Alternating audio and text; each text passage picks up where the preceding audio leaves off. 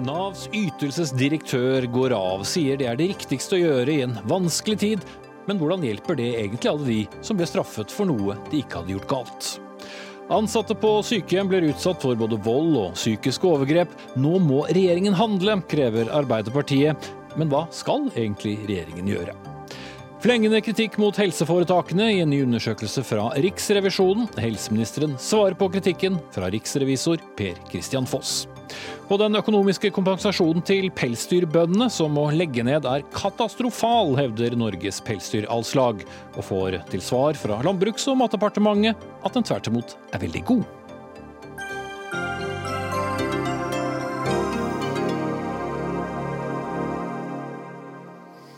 Da ønsker vi riktig god onsdagskveld og velkommen til Dagsnytt 18. Jeg heter eh, Espen Aas. Senere i sendingen skal vi også innom Nato-toppmøtet som ble avsluttet i London i ettermiddag. Men så til ettermiddagens nyhet om at ytelsesdirektør i Nav, Kjersti Monland, går av og blir den første som trekker seg i kjølvannet av trygdeskandalen. Det skjer fem uker etter at saken ble offentliggjort. Og du har sagt i dag at dette både er nødvendig og riktig. Kjersti Moneland, hvorfor er det det? Jeg har tenkt nøye over det her, eh, og kommet til at eh, ytelsesavdelingen og ytelseslinja, som jeg har ansvar for i dag, trenger eh, mer kraft, mer gjennomføringskraft, i den alvorlige situasjonen som Nav står i nå. Mm. Men er det ikke du som kjenner arbeidet der best? Jeg kjenner arbeidet veldig godt eh, og har vært med å finne ut av eh, det her.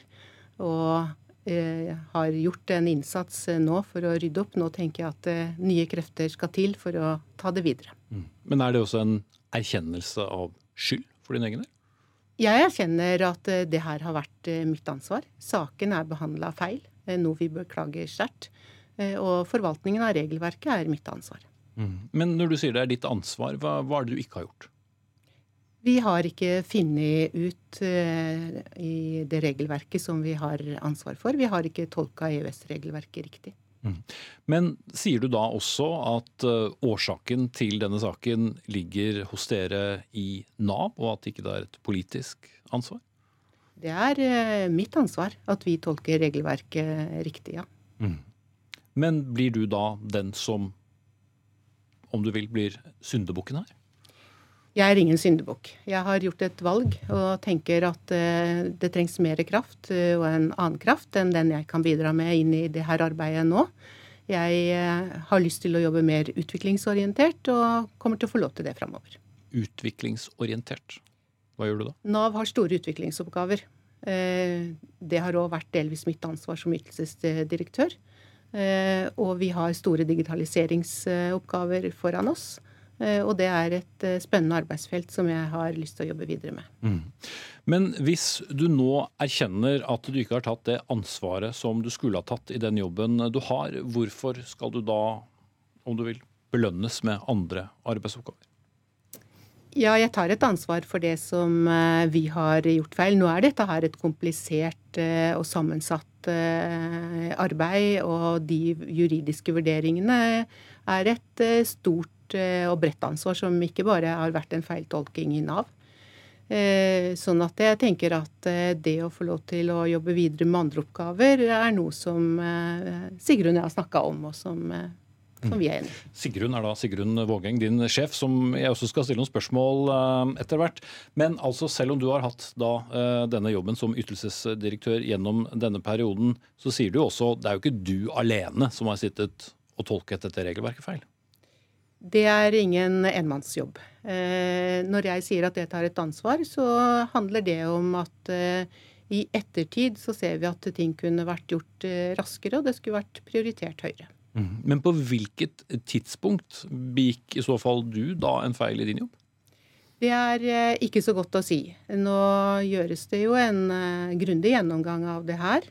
Eh, internrevisjonen i Nav har fått et mandat som Sigrun nå har gitt dem, og som de jobber med, og som det kommer en rapport på. Mm. Men likevel mener du at du vet nok om din egen innsats til at du fratrer jobben din?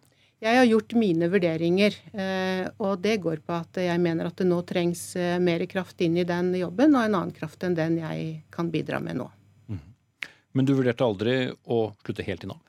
Nei, jeg er glad i Nav. Og jeg er glad i brukerne i Nav eh, og kollegaene. Og tenker at eh, jeg har en kompetanse og en kapasitet som gjør at jeg kan jobbe videre med andre områder. Mm.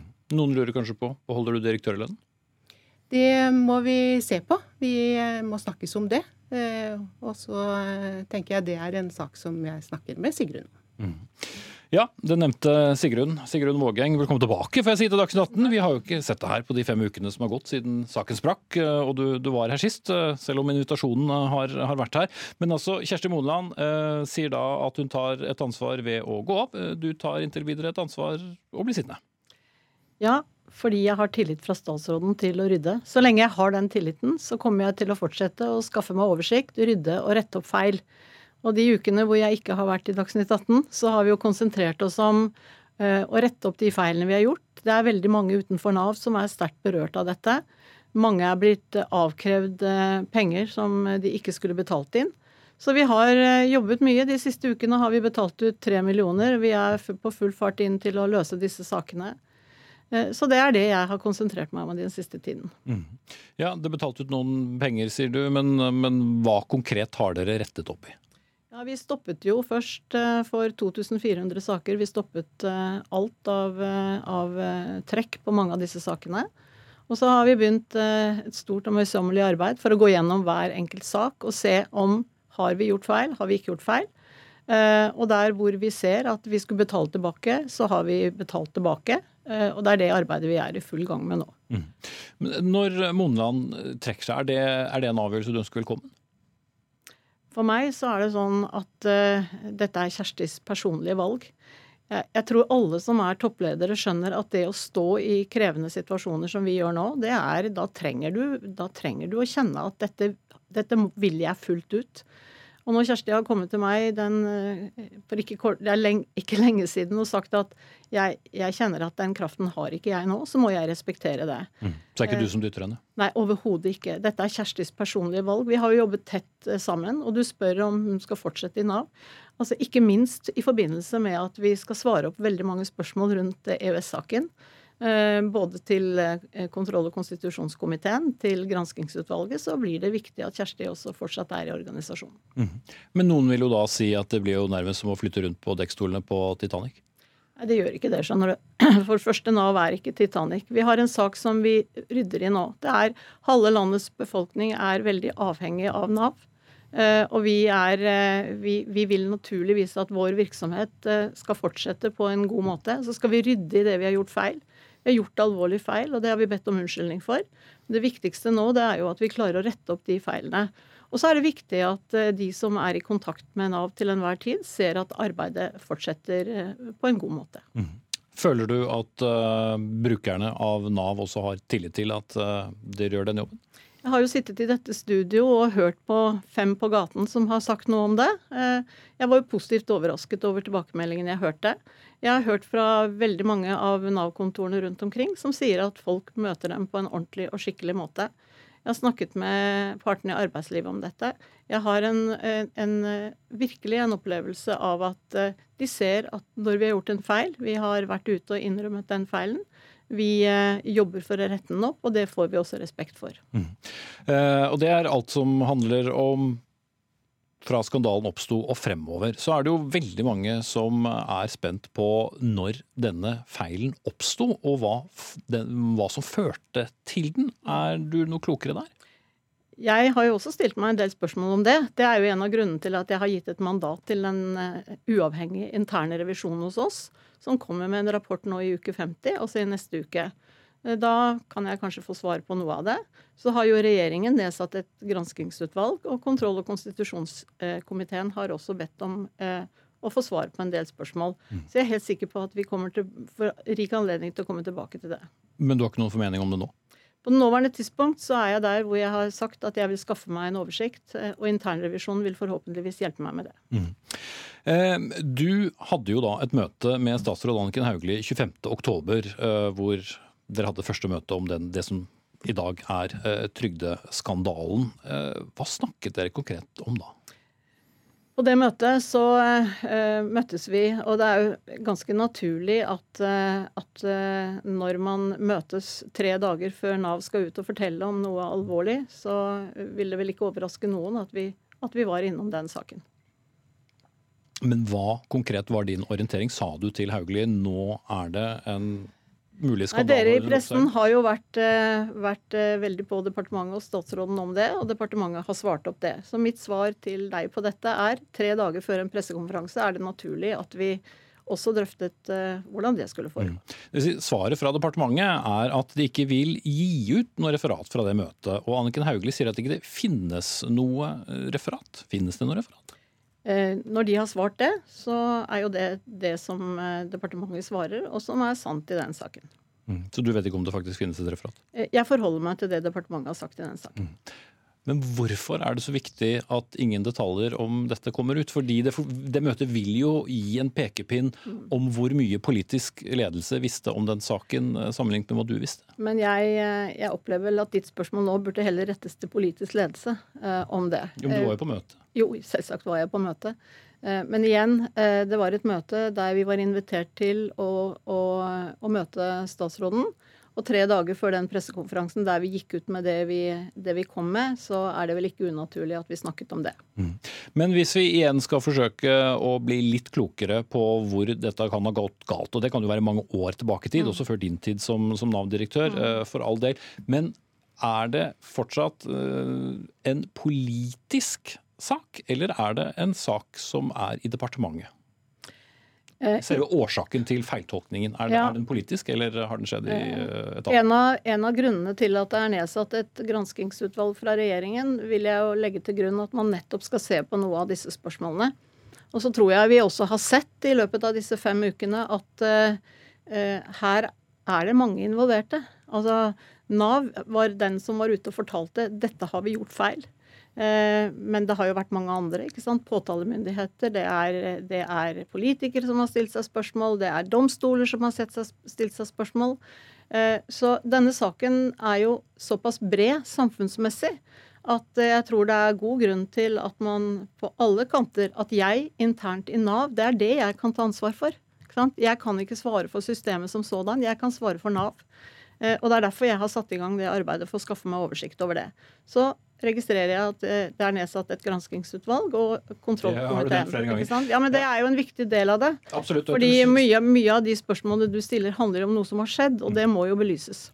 Men eh, så har jeg jo hatt flere stortingsrepresentanter og også statsråden i dette studio, og alle har jo poengtert at det er jo et politisk ønske om at man skal forvalte regelverket ganske strengt. Og Det er jo derfor det er naturlig å stille spørsmålet om det har vært da også et politisk press, om du vil, uavhengig av hvilken regjering som har uh, vært sittende, om at Nav skal håndheve utenlandsopphold for uh, Nav-klienter strengt. Det som jeg forholder meg til, er det såkalte tildelingsbrevet som jeg får en gang i året eh, fra, fra Arbeids- og sosialdepartementet. Det er, det, er altså det er, jo naturligvis en, en, politisk styring bak det. Enhver regjering ønsker å sette sitt, sitt merke på det. Og i det tildelingsbrevet vi har hatt nå den siste tiden, så har vi jo gått igjennom de ulike ytelsene. På noen ytelser er det jo blitt innstramming. Og på andre deler så har man gjort endringer. Og det er det jeg forholder meg til. Utover det har jeg sagt eh, flere ganger at jeg har ikke vært utsatt for noe politisk press i den perioden. Jeg er en etatsleder som forholder meg faglig til det oppdraget jeg får fra departementet. Mm. Men det har ikke vært noen tvil hos deg som Nav-direktør at det har vært et uh, politisk ønske både fra den sittende regjeringen og også den uh, forrige regjeringen om at man skal håndtere regelverket strengt når det gjelder opphold i utlandet når man har gått på en ytelse? Det ikke er noe tvil hos hos meg, det er at uavhengig av hvilken farge på regjeringen, så står det flere i arbeid og færre på stønad. Og det vil naturligvis prege vårt arbeid. fordi det å få... Hvilke spørsmål svarte du på nå, egentlig? Jeg svarte på det spørsmålet som du prøver å Eller som du stiller meg. At uh, det som har vært veldig klart for meg Og da betyr det jo at da er det stor vekt på at, uh, at vi jobber veldig hardt for å få flere i arbeid.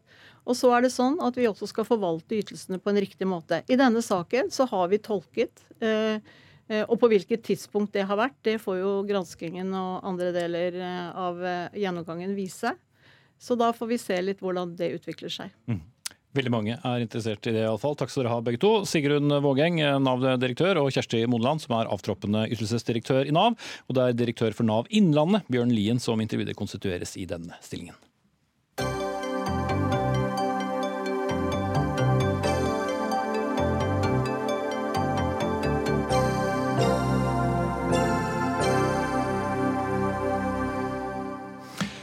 De blir eh, slått, spyttet på, skreket til og truet. Livet som helsepersonell på sykehjem kan være direkte farlig, slik Aftenposten har avdekket gjennom en rekke artikler den siste eh, uken.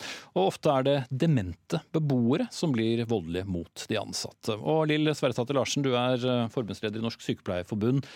Hvis du kort kan forklare, Hvordan preger denne type vold som vi har nå lest om i Aftenposten, medlemmene dine rundt omkring i landet? Det er en alvorlig sak som jeg er veldig glad for at Aftenposten har eh, løfta opp. Vi ser det både fra et sykepleiers perspektiv.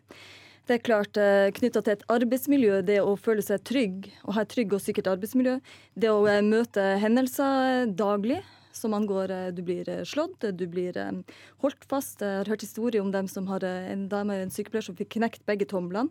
Slått i forbindelse med stell kasta ting etter, og det å arbeide ofte alene i sånne her type situasjoner. Men vi ser det også fra pasienten sitt perspektiv.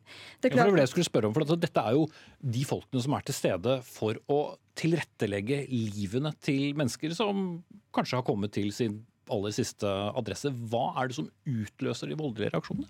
Det er noe det er å huske på at de som er på eh, sykehjem, og for så vidt også hjemmetjenestene i dag, de er alvorlig kritisk syke.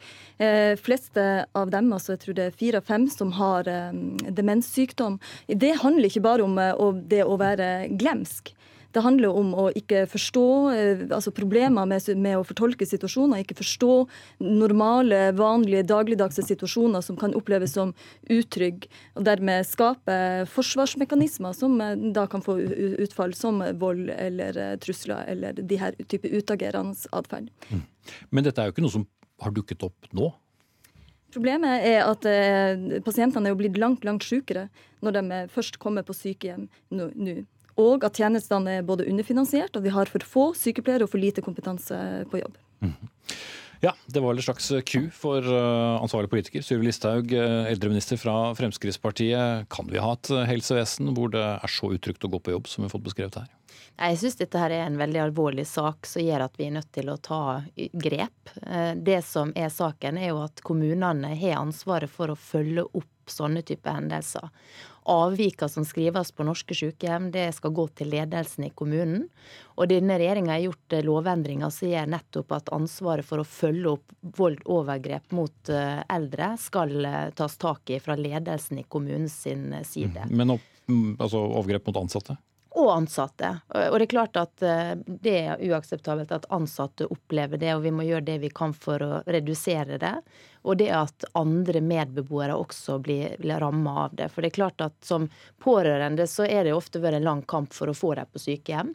Og du setter deg ned og tenker at åh, deilig, nå endelig kan jeg slappe av, og nå er de i trygge hender. Og så ser man det at det er ikke alltid det er sånn, selv om vi må jo understreke det at de aller fleste har det godt og trygt på sykehjem. Sånn at uh, Eh, ja, det er. De fleste bulker ikke med bilen heller, Nei. men vi er opptatt av de som, som bulker. Men også var dette en, en, situasjon som du som eldreminister ikke visste om? Jo, selvfølgelig vet jeg om at det er foregått, men eh, det har aldri vært gjort en sånn type kartlegging av kommunene sitt eh, avvik, eller sine avvik før. Eh, og det gir jo rett og slett grunn for å se på flere typer tiltak videre. Du var jo ansvarlig byråd i hovedstaden i, i, mange år. Hvordan var situasjonen da? Kjente du til tilstanden? Det skjedde da også. Da gjorde vi jo mange grep for å eh, strukt, altså omorganisere måten vi drifta sykehjemmene på. Opprette en sykehjemsetat som nettopp skulle ta mm. tak i kvaliteten på det enkelte sykehjem. Hjalp det? Eh, ja, altså det, det ble bedre kvalitet. Vi utjevna bemanning. Da så vi at noen sykehjem hadde veldig høy bemanning, andre hadde det ikke. Så vi gjorde det innad i kommunen. På samme måte som kommunene rundt omkring i landet har muligheten til å gjøre det i dag. Mm. Ingvild Kjerkol, du er stortingsrepresentant og helsepolitisk statsperson i Arbeiderpartiet. Mm. Ja, vi har jo visst også fra tidligere at helsepersonell er, er, veldig utsatt, både for vold og også seksuell trakassering, som ikke vi kom inn på i mm innledningen her. Men uh, blir du overrasket uh, over uh, de ganske omfattende forholdene som, som Aftenposten har skrevet om? Nei, jeg blir ikke overraska. Man skal ikke gå langt utover sin egen sfære før man har hørt disse historiene. Kjenner folk som opplever truende situasjoner på jobb. Eh, og det Aftenposten har gjort nå, er jo å gi oss tallene og omfanget. Og det er stort, og det betyr at vi må gjøre noe. Eh, og det blir dessverre ikke gjort Mhm. nok. Men hvorfor gjør man ikke noe med det, hvis eh, alle går rundt og har visst om dette i, i årevis, og ikke bare de som opplever det selv? Jeg tror det For det første så er det viktig at man har åpenhet om disse avvikene. Da Sylvi Listhaug var byråd for eldre i Oslo, så var det ikke åpenhet om det. Eh, Nå er det det i Oslo, og det er bra. Det er også åpenhet om det i andre eh, kommuner, sånn at vi vet hva vi snakker om. Og så må vi rett og slett prioritere denne sektoren høyere. Nå har kommunene Men som du mener har det ble dysset ned før, derfor så har ikke tallene vært uh, mulig å, å offentliggjøre? Det har ikke vært åpenhet om avvik, og det er det viktig at det er. Da kan vi gjøre noe med det, ansvarliggjøre kommunene og sette inn tiltak. Eh, Og Det som er utfordringene til kommunene i dag, det er jo at eh, Sylvi Listhaug har jo ikke vunnet fram i regjeringa. De har fått det strammeste kommuneopplegget på 15 år. Det de trenger, det er å ha økonomi til å styrke grunnbemanninga, ha muligheten til å fylle opp stillingene, sånn at det er hele stillinger. Dette er jo utrygge mennesker som har mista litt begrep om virkeligheten. Så årsaken til vold på sykehjem er for lav bemanning? For lav bemanning, for mye deltid. Det er viktig å ha hele stillinger, sånn at du får faste ansatte rundt deg. Og så må det være nok kompetanse. Kjempeviktig. Mhm. Er du enig i den beskrivelsen, Larsen, før Sylvi Listhaug får svare? Absolutt, og i tillegg så må du ha en eh, ledelse som er både nær og tett på, som eh, forstår eh, problemet og anerkjenner problemet, og ikke minst har verktøy til å kunne klare å gjøre noe med det. Og det er noe med at eh, våre ledere, ofte sykepleiere sjøl, som også har erfart og kjent det her på kroppen, de kan ikke skape gull av gråstein. De er helt avhengige. altså Det er et arbeidsgiveransvar som leder, men du er helt, også helt avhengig av politikere faktisk finansierer tjenestene, sånn at de har mulighet til å skape de verktøyene. Mm. Ja, det var mye snakk om finansiering her, øh, Listhaug. Er du også enig i at det ville løst problemene med en bedre bemanning og mer penger? Altså, jeg mener i hvert fall at denne regjeringa har sørga for at kommuneøkonomien er bedre enn på veldig mange år. Vi ser faktisk det at motsatt av det som Ja, din det- motdebattant sa her. Ja, og det er vi vant til. Men faktum er at all, det er veldig lenge siden så få kommuner har vært på denne her Robek-lista, som er over kommuner da som, eh, som er i økonomisk trøbbel. Men det er ikke det samme som at de har riktig bemanning på sykehjem? Nei, og det jo, handler jo om at lokale politikere må prioritere. Og nå sitter jo Kjerkol og Arbeiderpartiet og styrer veldig mange norske kommuner. Har muligheten til å sørge for flere heltidsstillinger. Muligheten til å sørge for å prioritere økt bemanning.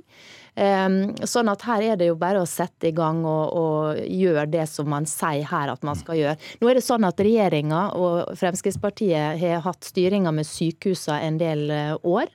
Eh, Der ser vi jo det at heltidsstillingene er økt kraftig. eh, Gjort en god jobb der, er virkelig på rett vei. Så Kommune-Norge har muligheten til å gjøre akkurat det samme.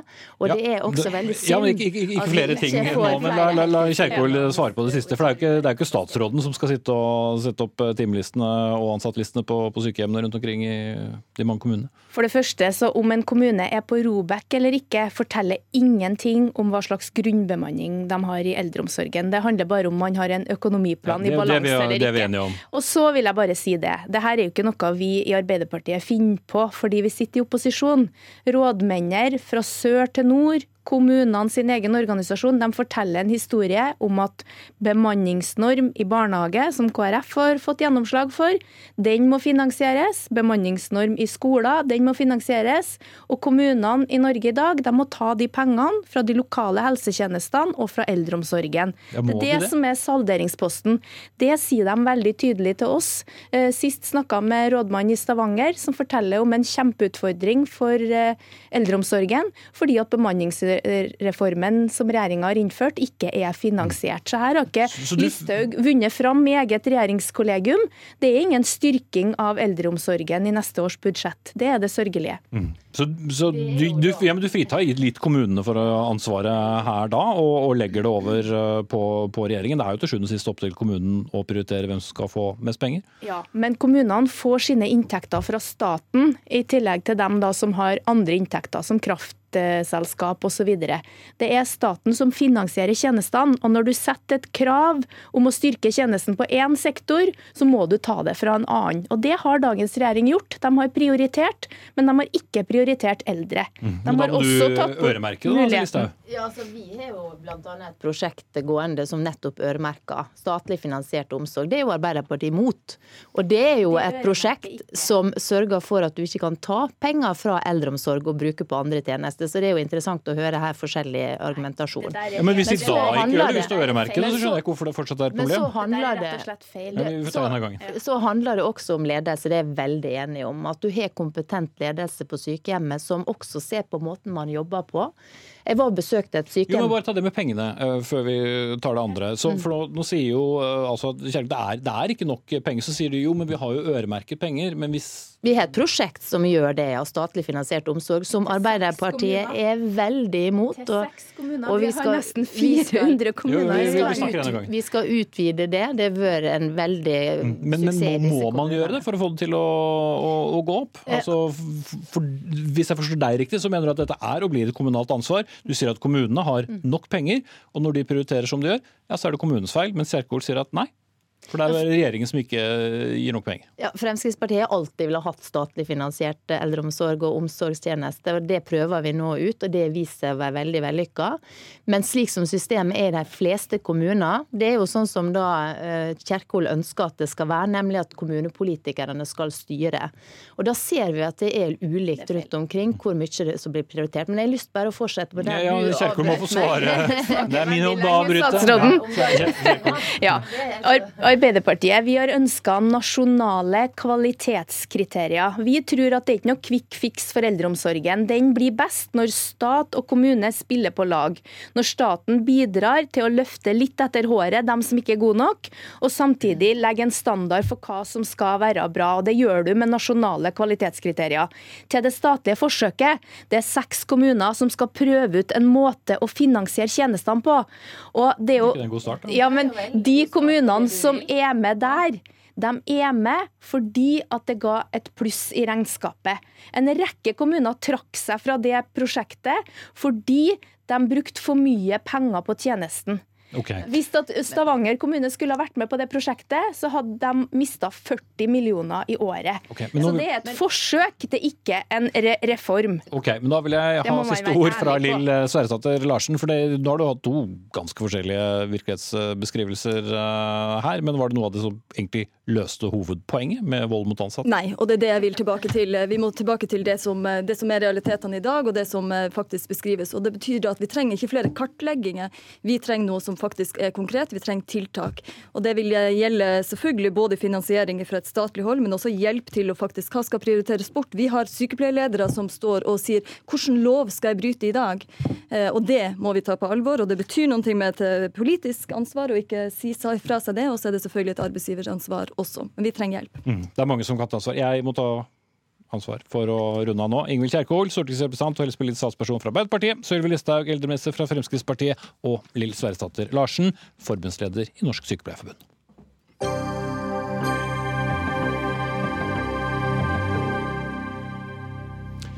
At den omstridte pelsdyrnæringen i Norge skal avlives, det er jo for lengst politisk vedtatt, men kompensasjonen som pelsdyrbøndene skal få, ja, den omtaler de selv som katastrofal.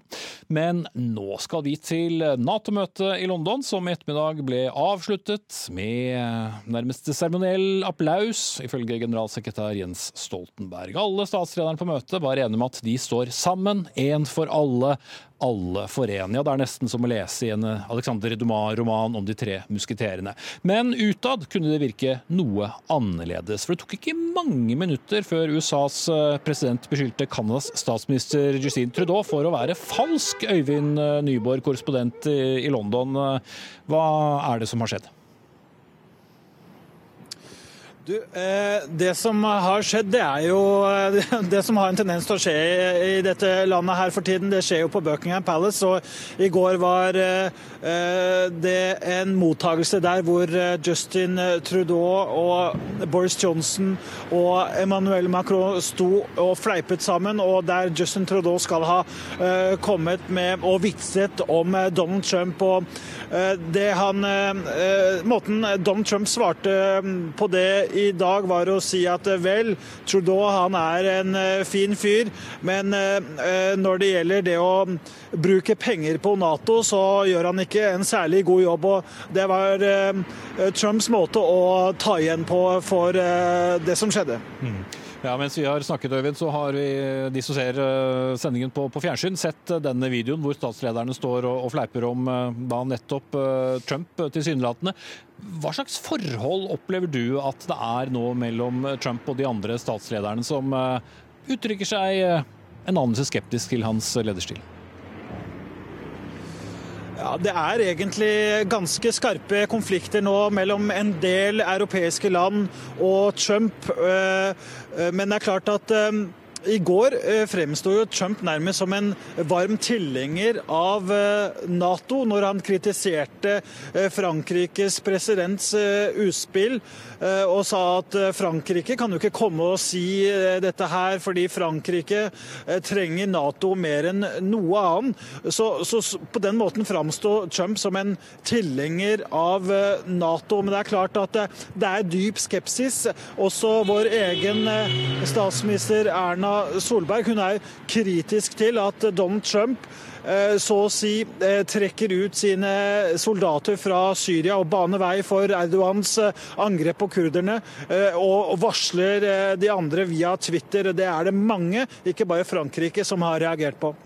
Og vertskapet ved statsminister Boris Johnson, som eh, jo som du eh, sa innledningsvis har eh, ett ben godt plantet i, i, valgkamp, og det andre da i, i Nato-møtet, har også kalt dette møtet veldig vellykket. Men han kan vel kanskje ikke si så mye annet som, som vertskap? Nei, men eh, det er klart at det er også budskapet fra eh, Natos eh, toppsjef, at det i stor grad er enighet. og Aldri før har det vært brukt like mye penger på forsvar som, som det det gjøres nå. Men det er klart at vi kan kanskje legge til at som du kjenner til, så skal nok Boris Johnson være glad for at Donald Trump ikke har blandet seg inn i britisk politikk. Han la jo ikke fingra imellom når det gjaldt å blande seg inn i det Theresa May gjorde gjorde. Så, sånn sett så har vel kanskje Boris Johnson klart seg bra. Mm. Da sier vi takk til deg, Øyvind Nyborg, og det alltid travle London.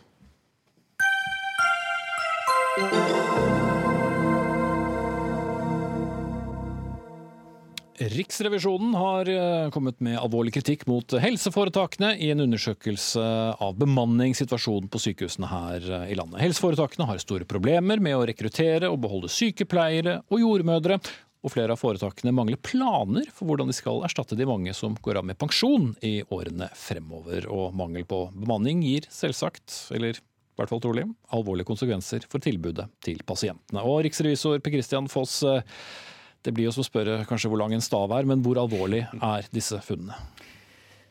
De er alvorlige fordi det påvirker kvaliteten på tilbudet til stadig flere. Altså antall som blir over 60 år frem til 2030 får nesten si at vi øker med 30% og det er grunn til å tro selvfølgelig at sykeligheten er noe større der enn når vi er 30 år. Eh, og Det som jeg synes er mest alvorlig, er egentlig at flere helseforetak er det store, store forskjeller. Så noen kan nå si at vi har gjort det godt, og det er helt riktig. For det er store forskjeller på helseforetakene. Noen av de har ikke selv oversikt over bemanningsproblemene. De har ikke engang oversikt over hvor mange som f.eks. av sine eh, jordmødre som har passert 60. Sjansen for at de da slutter ganske fort, er til stede. Eh, og vi har eh, også konstatert at de som mangler oversikt, selvfølgelig ikke har planer. Hvordan de skal utløse større, mer jobb fra de som er der. Det å skape en heltidskultur, altså få færre til å jobbe deltid, er jo også noe kanskje nærmest man kan komme når man mangler folk. Så må man se på de man har, man kan tilrettelegge for at de kan jobbe, jobbe mer. Og der er det også store, store forskjeller. De som klarer å utløse en heltidskultur i avdelingen i sykehuset, har jo løst uh, mye av problemene. Men fortsatt må det rekrutteres. Og der ser vi også et annet problem, og det er jo at når helseforetakene skal utvikle det som kalles på fagspråket et, et uh, kandidatmål Hva i all verden er det? Ja, det lurer jeg også, på. Det er det helseforetakene må si at det trenger vi av nyutdannede. Eh, helse, sykepleiere, jordmødre. Så det er en slags beskrivelse av en fremtidig bemanningssituasjon? Ja. ja. Som skal ligge til grunn for ministeren for høyere utdanning. Uh, hva hun skal bestille av opplasser uh, ved høyskoler og universiteter. Mm. Men ville du likt å sokne til og blitt gammel hvis du soknet til et sånt sykehus? Nei. Nei. Jeg tror jeg ville spørre om det i tide. Heldigvis tror jeg jeg er ganske trygg for min egen del. Men det er, det er stor variasjon. Men det rare her er at da svarer universitetet og høyskolen at vi kan ikke ta opp flere. Hvorfor ikke det? Fordi at når de skal be om praksisplasser, så må, de, må en, en sykehus være villig til å ta dem. Og, og legge til rette. Hvis ikke de har oversikt, så kan de så ikke egentlig så biter helseforetakene seg litt selv i halen. Mm. Uh, ved at de ikke klarer å få nok nyrekruttering. Men er ikke det hele poenget med helseforetakene? At de skal kunne ta ansvar for den slags? Eller? Jo, de er statlige. De er under direkte statlig eie. Det har vi gjort for at, skal, at man skal ha, ha, kontroll. Og når um, 40% av de kliniske enhetene f.eks. sier at de uten hell har forsøkt å rekruttere nye medarbeidere de siste tre månedene, så, så sier det litt om at uh, problemet er der nå. Uh, og problemet blir verre hvis man ikke klarer å legge en skikkelig plan. Enten utdanne uh, selv. Sykehusene kan jo langt på vei også spesialisere spe sykepleiere til å bli spesialsykepleiere. Ha utdanningsstillinger i sykehuset selv. Men samtidig må du være villig til å motta noen som kommer fra en høyskole, for å kunne bli Eh, jordmor eller spesialsykepleier. Mm. Men hvis da, det svikter på begge områdene, dessverre. Og Hvis da helseforetakene da ikke er seg sitt ansvar bevisst, hva er da anbefalingen din til helseminister Bent Høie? Det er at han eh, bruker noe sterkere lut. Jeg vet at helseministeren i tidligere tildelingsbrev har bedt om at det utarbeides slike planer. Og jeg er overrasket over å se etter noen år at det har de ikke gjort. Det må være mulig å instruere rett og slett et styre i et helseforetak at dette må, dette må de gjøre.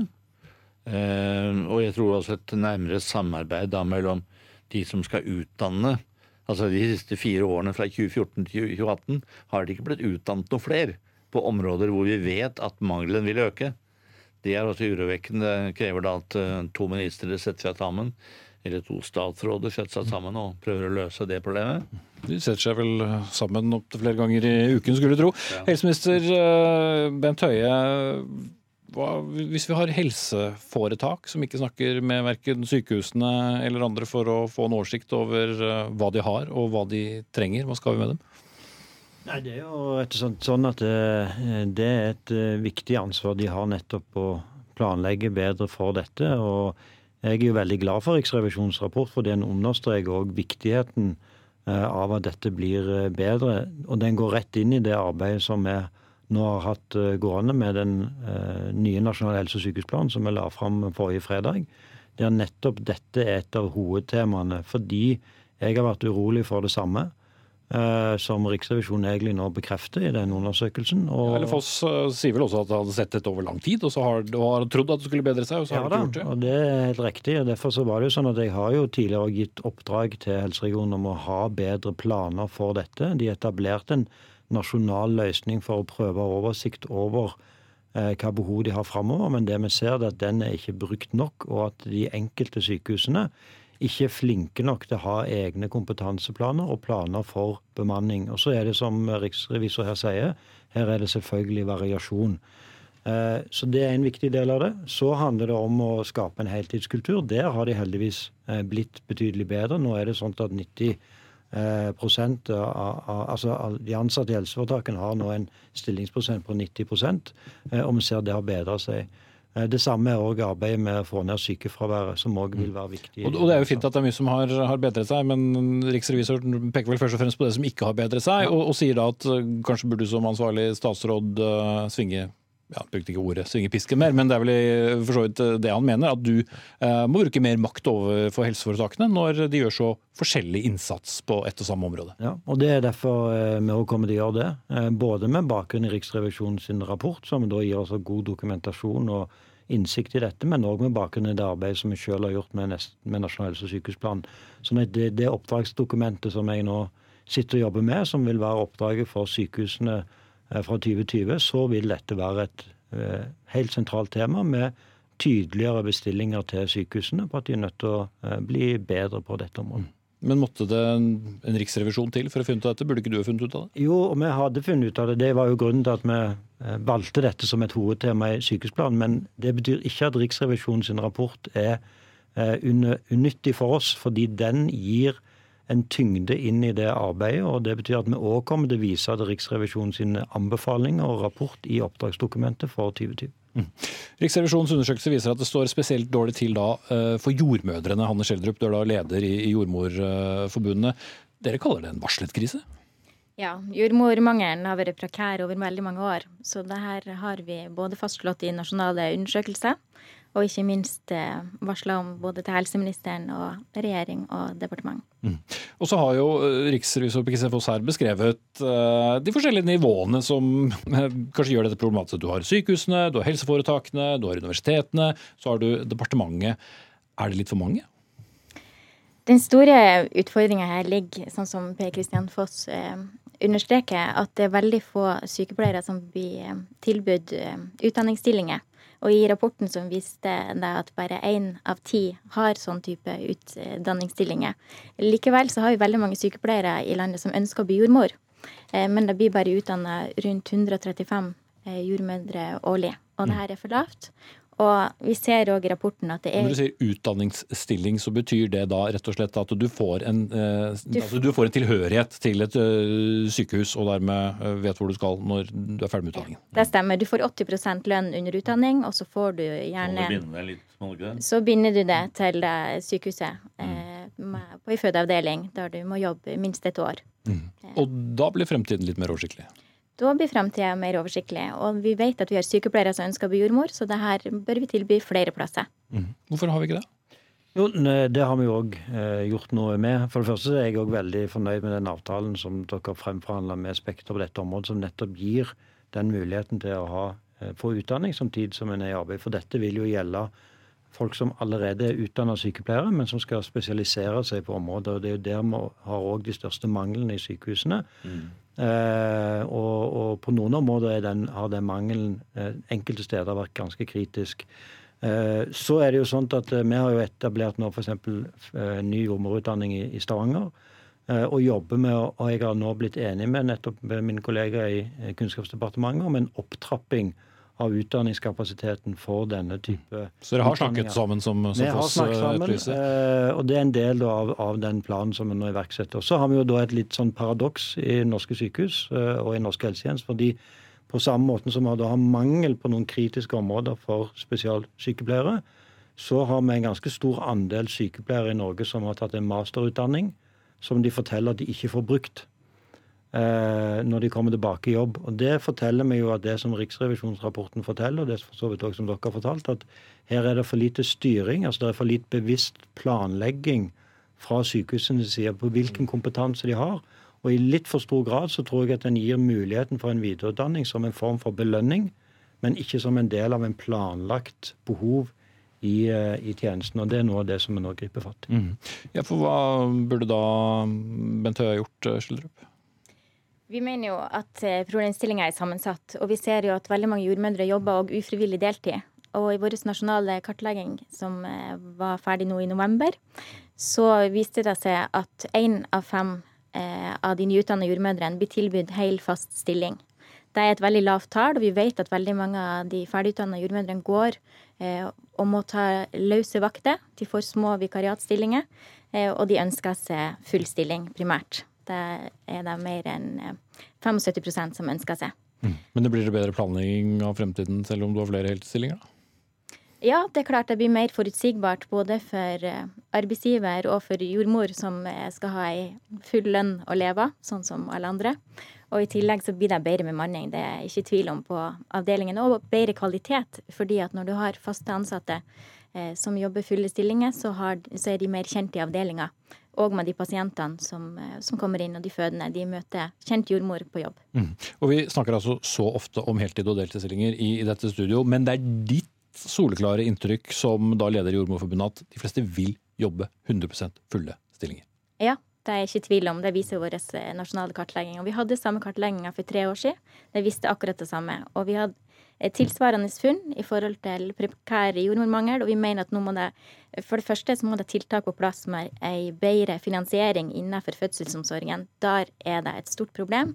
Det må være penger nok til å ansette flere jordmødre. Da får vi en tryggere og bedre fødselsomsorg. Mm. Og Bent Høie, du var jo tilsynelatende klar over så mange av disse momentene på forhånd, som du sa, og mye er i gang. Så da er det snart faren over, eller må du nå ta en alvorsprat med flere av helseforetakene? Nei, Vi er nødt til å jobbe mye mer med dette, og det er et veldig sammensatt problem. fordi når vi ser inn som var inne på, når vi ser inn i utviklingen i alderssammensetning i befolkningen og behovet, så vil vi ikke bare klare å løse dette med bare å ansette flere. Vi er òg nødt til å løse det ved å løse oppgavene på andre måter. Hvordan? Eh, ja, F.eks. ved å ta i bruk nye arbeidsformer, ny teknologi, nye måter å organisere helsetjenesten på. Fordi Hvis vi bare fremskriver behovet og tenker at en så stor del av ungdomskullet vårt skal jobbe i helsetjenesten, så er ikke det bærekraftig. Eh, så det, Her er vi nødt til å jobbe med to hovedstrategier samtidig. Utdanne flere. Gi de som jobber, muligheten til å jobbe 100% få ned sykefraværet. Være sikker på at vi bruker kompetansen riktig. Samtidig som vi også er nødt til å endre eh, tjenesten, sånn at vi eh, har f.eks. En, en annen arbeidsdeling internt i sykehusene. og Derfor har jeg også vært veldig tydelig på nå at F.eks. helsefagarbeiderne er en av yrkesgrupper som vi skal ha i sykehusene. Eh, og vi må være flinkere til å ha eh, arbeidsforskyvning mellom de ulike gruppene i sykehus. Og så har vi en særskilt utfordring på de store fødeavdelingene, som vi nå setter i gang et hurtigarbeidende arbeid på, eh, for å sikre oss at vi møter nå den nye fødebefolkningen, hvis vi skal si det, det som er eldre kvinner. Som, for kvinner er eldre nå når de får barn. De har mer komplikasjoner. Eh, og Det fører til en økt arbeidsbelastning, spesielt på de store fødeavdelingene. Mm. Okay, setter... det, krever krever betydelig uh, av ledelse ved det enkelte foretak. Og det krever at du er litt tøffere overfor de styrene som ikke følger opp og lager bemanningsplaner og bemanningskartlegging. Mm. Da fikk faktisk riksrevisoren siste ord, eller jeg får siste ord, for jeg skal si hva dere het. Per Christer Foss, riksrevisor, Bent Høie, helseminister fra Høyre, og Hanne Schjelderup, leder i Jordmorforbundet.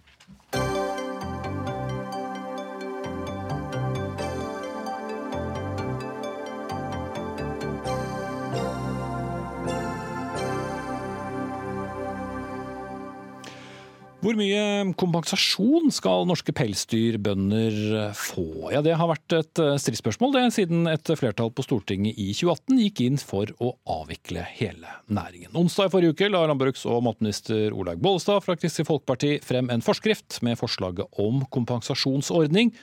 Og siden har kritikken haglet, forteller avisen Nasjonen i dag. Og Guri Vormdal, kommunikasjonssjef i Norges Pelsdyralslag, dere kaller kompensasjonsordningen rett og slett for katastrofal? Får dere ikke noen penger? Jo, vi får noen penger. Eh, og for veldig mange så høres det selvfølgelig ut som veldig mye penger også. Men eh, vi er jo av den oppfatning at man ikke kan legge ned en lovlig næring uten å gjøre opp for seg. Og når det er slik at vi gang på gang kan fremlegge tall som viser at uh, våre 200, i underkant av 200 familier går på en så stygg økonomisk smell som det ligger an til nå, så er det ikke i tråd med det oppdraget regjeringen fikk av Stortinget.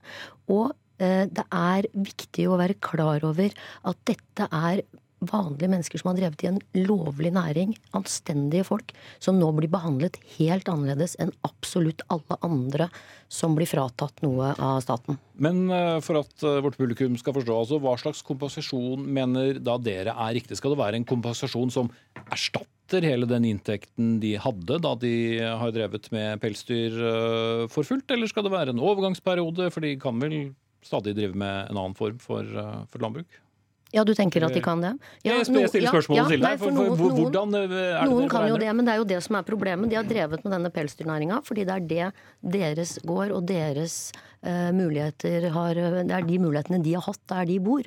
Og det er jo ikke sånn at man har drevet med pelsdyrnæringa eh, og pelsdyrhold eh, for moro skyld. Man har gjort det for å tjene penger og for å ha et livsgrunnlag. Og for å brødfø familien sin. Og når det livsgrunnlaget blir borte, det er det samme som at vi skulle mista eh, Du eller jeg eller andre skulle mistet fabrikken eller bedriften. Jo, jo, jeg skjønner det, men det er derfor jeg spør. Og da er det en utfordring, fordi det er ikke veldig enkelt å omstille annen, til annet, annen jo- jordbruksvirksomhet. Det vet departementet veldig godt. Og vi ber ikke om noe annet enn det alle andre. Hadde veien skulle gått gjennom gården, så hadde man visst hvordan man skulle kompensere dette. Dette er det gode ordninger, etablerte ordninger for i samfunnet vårt. Og gang på gang, nå har regjeringen to ganger kommet med tall som Stortinget ikke kan akseptere. Det kan selvfølgelig ikke vi heller gjøre. Dette er en skandale for dem som rammes av det. Jo, men tilbake til det jeg egentlig spurte om. da. Altså, øh, Krever dere da øh, kompensasjon for hele den tapte inntekten, som da de var pelsdyrbønder på heltid? Eller er det rimelig at man får en omstillingspakke? Jo, det ligger jo omstilling i dette også, men det kan ikke være slik at man skal tape, eh, tape verdiene i gården uten å bli kompensert for det. Så vi ber ikke om noe annet enn en helt alminnelig erstatning på samme måte som man erstatter alt mulig annet i samfunnet vårt. Skulle veien gått der, så hadde man fått en skikkelig Men da kunne du ikke drevet øh, med noe annet? Nei, jo, men de, man flytter jo gårder også, så det er jo ikke det. Men, men, men, men det som er viktig, er at folk skal kunne gå videre i livene sine skadesløse. Det kan de ikke gjøre nå. Det er et problem. Ok, Vidar Skogan, du er statssekretær i Landbruks- og matdepartementet fra Kristelig Folkeparti. da. Hvordan forsvarer du denne kompensasjonsordningen? Ja, jeg forsvarer det jo med utgangspunkt at eh, det juridiske grunnlaget var vurdert i 2018. og Da kom man fram til at eh, selv om man la ned ei næring, så var ikke staten forplikta etter ren juridisk vurdering å gi økonomisk erstatning. Men at det var, det var viktig at man eh, Så dere forholder dere til det juridiske og ikke Nei, nei, nei. Også, men så sa man samtidig i den juridiske vurderinga at det var fornuftig å avdempe de uheldige sidene. Og det er helt rett som Guri sier, det er mange uheldige sider for, for næringa og de som driver. Og Derfor har jo regjeringa i flere omganger, som, som Guri også sier her, at uh, man starta med en kompensasjonspakke på 365 millioner, og så har man øka den, og det har vært to høringer, det har vært stortingsbehandling, og nå er vi oppe i 800-850 millioner totalt man skal bruke i en pakke. Og I den pakken så blir det jo sånn ca. 4-5 millioner per pelsdyrbruk. Og For enkelte bruk så vil jo denne pakken eh, kunne gå utover det som man eventuelt kunne få det til vanlig som bruksverdibetraktninger. Og bare for Så ta... noen kommer bedre ut og noen kommer dårlig ut? Nei, så Pakken er jo slik at uh, vi gir fem år, uh, slik at bøndene kan planlegge avslutning, og de kan planlegge annen jobb, og de kan planlegge annen næringsvirksomhet. Og de får muligheten til å søke på en pakke på 100 millioner til omstillingstiltak. De som er kommet så langt opp i alder at de går av med pensjon, får en kompensasjon for det. 200 000 per år i alderssegmentet 62 til 67 år. Og så dekker, vi, så, så dekker vi da bokførte investeringer som du allerede ikke har trukket av på de årlige eh, regnskapene dine, dekker vi fullt ut. Og alle kostnader til riving og opprydding dekkes også. Og disse tilleggselementene hadde ikke vært en del av en sånn bruksverdibetraktning hvis vi kun skulle gå på, på det som noen i næringa krever. Så, Så det min er bare surmuling fra Pelsdyralslaget, da? Nei, det er ikke surmuling. fordi at, og det, Dette har vært en krevende sak for alle regjeringspartiene og, og for Stortinget. Altså Det å avvikle en næring er krevende, og det har vært store diskusjoner og uenighet knytta til det. Men når man først har gått til det skritt, eh, så forsøker jo regjeringa å legge mest mulig midler inn for å få mest mulig smidig overgang og avdempende tiltak. Og jeg mener vi har truffet rimelig godt. Og så det siste jeg bare sier, at dersom og det er viktig. Dersom vi nå, når vi begynner å liksom gi denne kompensasjonen, hvis det viser seg at det er noe som er på en måte helt riv ruske galt, helt urimelig, så har vi sagt at eh, da skal vi komme tilbake og så vurdere justeringer. Ja, da er det alltid skjønneste orden, da. Det hadde jo kanskje vært mye bedre om man hadde gjort en del av dette utredningsarbeidet i forkant, slik at det hadde vært mulig å forholde seg til dette. Det er jo ikke sånn at regjeringen har fått i oppdrag av Stortinget å føre eh, 200 familier ut i økonomisk ruin, og det er tilfellet nå. Det er tilfellet nå, og man kan, man kan lage så mye tull med tall som man bare vil, men dette vi viser nå daglig nye eksempler på hvilke tap dette påfører folk. Det er helt vanlig. De fleste som hører på her nå, de har hørt om takst. Takster det lager man i samfunnet vårt hvert eneste dag. Det er det man ønsker at skal være grunnlaget for hvordan våre bønder skal erstattes, de skal vurderes ut ifra takst. Og når vi nå kan vise allerede nå, før fylkesmennene skal sette i gang med denne ganske klusete og umulige oppgaven, at bøndene lider store tap, så er det ikke, det, det, er ikke vi som har funnet ut av det, dette er det takstfolk som har beregna. Det er regnskapseksperter eh, som har funnet ut av dette. Og det juridiske henger jo heller ikke helt på. Det sier jo til og med uh, det, det, er det jo mange jurister som nå har tatt ord for. Ok, Du skal få svare på det ganske snart, Skogan. Men Emilie Engemel, du er stortingsrepresentant for Senterpartiet. Ingen tvil om hvor dere har stått i denne saken, for så vidt. Men uh, ja, har Landbruks- og matdepartementet kommet pelsdyrnæringen i møte? Dere har jo vært med på å presse på, så noe riktig må vel være inni denne pakken? Altså, etter alt det presset som har vært i denne saken, så syns jeg det er helt utrolig at man kommer med et forslag som fortsatt er utrolig dårlig, som kommer til å slå katastrofalt ut for bøndene. Altså her, Det er ganske enkelt. Staten eh, har vedtatt å legge ned, eller Stortinget har vedtatt å legge ned en næring. Det er jo Senterpartiet imot. Men da må det ytes full erstatning. Hva er full erstatning? Erstatter det all arbeidsinntekt? Det er at man får erstatning for de verdiene man har på en gård. Det blir som at hvis jeg eier et hus, eh, og noen skal ta fra meg det huset, og så blir jeg avspist med bare en brøkdel av eh, den verdien jeg kunne ha solgt huset videre for, f.eks. Det hadde ingen eh, personer som hadde funnet seg i det. Men det er det en heller... riktig sammenligning hvis du kan eh, drive en annen form for husdyrdrift? Ja, men det er jo ikke alle tilfeller man kan det. Pelsdyrgårder er jo, altså det er jo anlegg som er bygd for å drive med pelsdyr. Du kan ikke bare putte inn kyr i et pelsdyrbur, f.eks. Det er jo helt umulig. Mange steder så er det ikke jorder, f.eks., for eksempel, fordi at pelsdyr er jo ikke avhengig av å ha jorder. Så dette her er jo gårder som er hvor man har investert over mange år for å drive med nettopp pelsdyr. Og hvis man skal bytte til noe annet, eller eh, i verste fall for mange ende med kanskje å gå konkurs og måtte flytte, så må man jo få eh, erstatning for det. Og jeg synes eh, han la det fram egentlig helt sjøl. Han sa vi har gjort juridiske vurderinger som viser at vi ikke trenger å gi full erstatning. Det er problemet. De skulle heller ha gått inn og sett hvordan kan vi gi full erstatning, istedenfor å prøve hele tida å finne ut hvordan de kan komme seg unna med minst mulig. Og det ja, du får få pelsen fra to stykker her, Skogan. Ja, nå må han få lov å svare. Ja, ja, det der er jo helt feil eh, framstilling av saken. Altså, Regjeringa har prøvd å lage til rette for, for, å lage en best mulig pakkeløsning for næringa, slik at næringa skal komme seg videre. Og vi bruker 800-850 millioner på 180 bruk. Så det er en betydelig innsats eh, som her legges til grunn. Og så vil jeg også arrestere på ett punkt. altså Vi tar verken hus eller eiendom fra, eh, fra grunneiere her. Det vi gjør, er at det er en driftsform som om fem år skal stoppe. Og så får du da gode ordninger slik at du kan omstille deg til annen drift eller ta annen jobb. Og det er mange i det her samfunnet som kommer i den typen situasjoner. Og så er det sånn at det juridiske, det juridiske, grunnlaget, det juridiske grunnlaget har jo ikke regjeringa lett etter for å betale minst mulig. Men det var gjort en juridisk vurdering fra om det var grunnlag for å kunne legge ned i næringa, og hvilke forpliktelser man hadde juridisk sett. Og så har regjeringa gått langt utover de juridiske forpliktelsene. Man har ført et moralsk ansvar for å hjelpe de som rammes av det forbudet. Men det som er saken her, er at, og med all respekt å melde, nå synes jeg det er på tide at vi kutter ut eh, en del av dette tullpratet som kommer. Fordi det er ikke en stor oppgave for staten staten faktisk sett å gå gjennom de 200, eh, i underkant av 200 gårdsbrukene for å se hvordan dette slår ut. Det klarer jo vi. Da hadde det vært eh, på sin plass om staten hadde klart å gjøre det samme. I hvert enkelt tilfelle? Selvfølgelig, i hvert enkelt tilfelle. Det ville man jo gjort hvis, hvis, Europaveien skulle eh, gått gjennom en gård. Så hadde man funnet ut av det, og man hadde til og med laget en romslig ordning for at dette skulle komme folk i møte, og at de skulle kunne gå videre i livet sitt uten å oppleve det som hadde skjedd, som en eh, stor belastning. Dette og det velger man faktisk sett ikke å gjøre her. Her har man laget en, en økonomisk ramme, og så lager man regnestykkene med all respekt å melde, i henhold til at det skal passe til den økonomiske rammen. Og det henger ikke på greip. Jo, det er det man har gjort. Men hvis man nå får uh, ta deg da, Emil Engemel, som også har vært inne etter, så du får fem år på å omstille deg. Og det er jo riktig som du sier, enhver som har vært på en pelsdyrfarm vil jo vite at eh, det er ganske stor forskjell på det og vanlig husdyrdrift eller øh, annen form for, for jordbruk. Men likevel får fem år, hvor du får en økonomisk, et økonomisk insentiv til å gjøre en omstilling, hvorfor skal man ikke kunne klare det? Det er vel jeg har hørt at eh, særlig landbruket er veldig omstillingsdyktige.